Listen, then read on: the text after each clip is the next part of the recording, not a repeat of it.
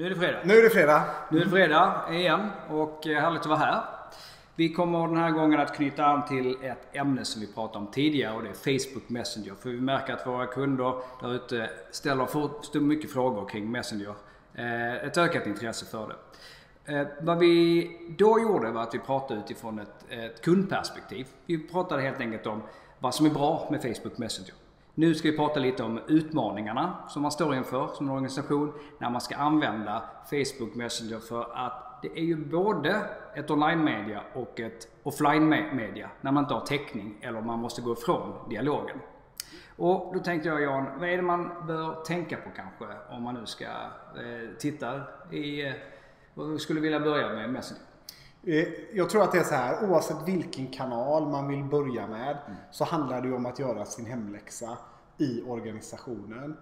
Och dessutom då viktigast av allt att sätta rätt förväntningar för kunden på kanalen där. Mm. Vad kan jag som kund förvänta mig när jag använder den här kanalen? Mm. är ju otroligt viktigt. Just av den anledningen som du beskriver att ibland är det realtid och ibland är det inte realtid. Mm. Det är realtid så länge jag själv är uppkopplad på Messenger och det, och, det är realtid så mm. länge det finns någon i organisationen som kan mm. svara.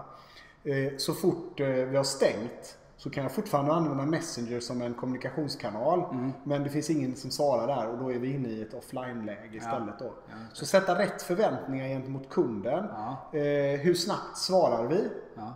Exempelvis, vad är våra öppettider och hur snabbt svarar vi? Mm. Mm. är, ju, är, ju, är ju väldigt viktigt. Mm. Sen tittar man på organisationen i sig då så är det här mycket kopplat till flera saker. Dels din bemanningsplanering. Mm. Det vill säga hur mycket människor ska du ha för att hantera den här kanalen. Mm. Och för att kunna räkna ut det så behöver du ha någon form av servicenivå som du, som du erbjuder kunden. Det vill mm. säga så här fort eh, svarar vi på Messenger. Ungefär så här lång tid tar ärendena. Så här mycket människor kommer vi behöva. Det jobbet måste man ju någonstans någonstans göra. Mm. Så det är inte bara att kasta sig in i det här är en ny kanal som där det redan finns en plattform som vi kan haka på. För det, det finns ju mycket eh, färdigt som man kan få ut av, ja. av Facebook.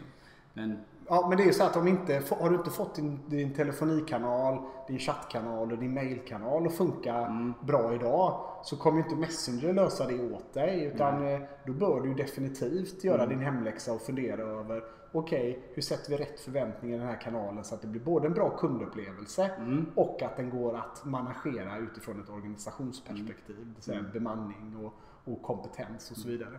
Eh, så det är en viktig sak att fundera över. Mm. En annan sak är ju det att en tråd i Messenger kan jag ju som konsument spara väldigt, väldigt länge. Mm. Så hur ska jag göra på, på insidan då? Hur ska vi i organisationen spara konversationstrådarna? Mm Eh, ska de vara kopplade till exempelvis ett case? Mm. Hur gör vi det på ett bra sätt? Mm. Eh, därför många gånger så när vi lägger på luren eller avslutar en chatt så har vi avslutat, eh, avslutat ärendet. Mm. Det kan vara så att kunden refererar till det givetvis i ett senare tillfälle. Mm. Men här blir det än mer påtagligt därför att konversationen finns ju kvar i Messenger-applikationen på mm. kundsidan. Mm. Egentligen i all oändlighet. Det gäller att ha en plattform som helt enkelt stödjer casehantering. Om man, kan, om man använder sig av Facebooks eh, native egen eh, eh, gränssnitt så har ju inte alls de möjligheterna som krävs för det större kundtjänst. Det finns massa begränsningar där. Och sitta och jobba i dubbla verktyg, det är, det är, inte, det är inte speciellt effektivt. Nej, och det, och det är ju också så här för att få en riktigt bra effektivitet i det här så behöver vi ju ha medarbetare som kanske kan hantera flera digitala kanaler och göra det i ett och samma gränssnitt. Mm. Så att när du, när du har realtids messenger-konversationer så kan du jobba med dem mm. parallellt med att du exempelvis kan jobba med realtids chattkonversationer. Mm.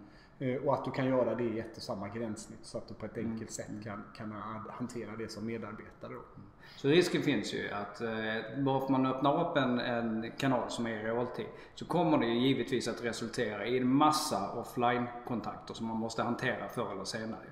Exakt. Ja. Så, så, att eh, en kort, en kort summering mm. handlar om att sätta rätt förväntningar för kunden. Mm. Förväntningar som vi kan leva upp till så att mm. kanalen blir en bra upplevelse. Eh, se till så att organisationen är redo. Mm. Har man problem med hantering av e-post idag så kommer Messenger vara en lika stor utmaning. Absolut. Mm. Att man funderar över, okej, okay, vilka förväntningar ska vi leva upp till? Har vi möjligheten att göra det? Mm. Hur har vi koll på våra konversationstrådar? Hur mm. sparar vi den historiken kopplat till case? system exempelvis. Eh, och hur jobbar vi med det i ett och samma gränssnitt så att vi får effektivitet i kommunikationen. Det är några saker. Låter smart Jan. Mm. Gör det. Tack så mycket för att ni lyssnade så ses vi nästa fredag. Det gör vi. Ha en bra helg. Hej!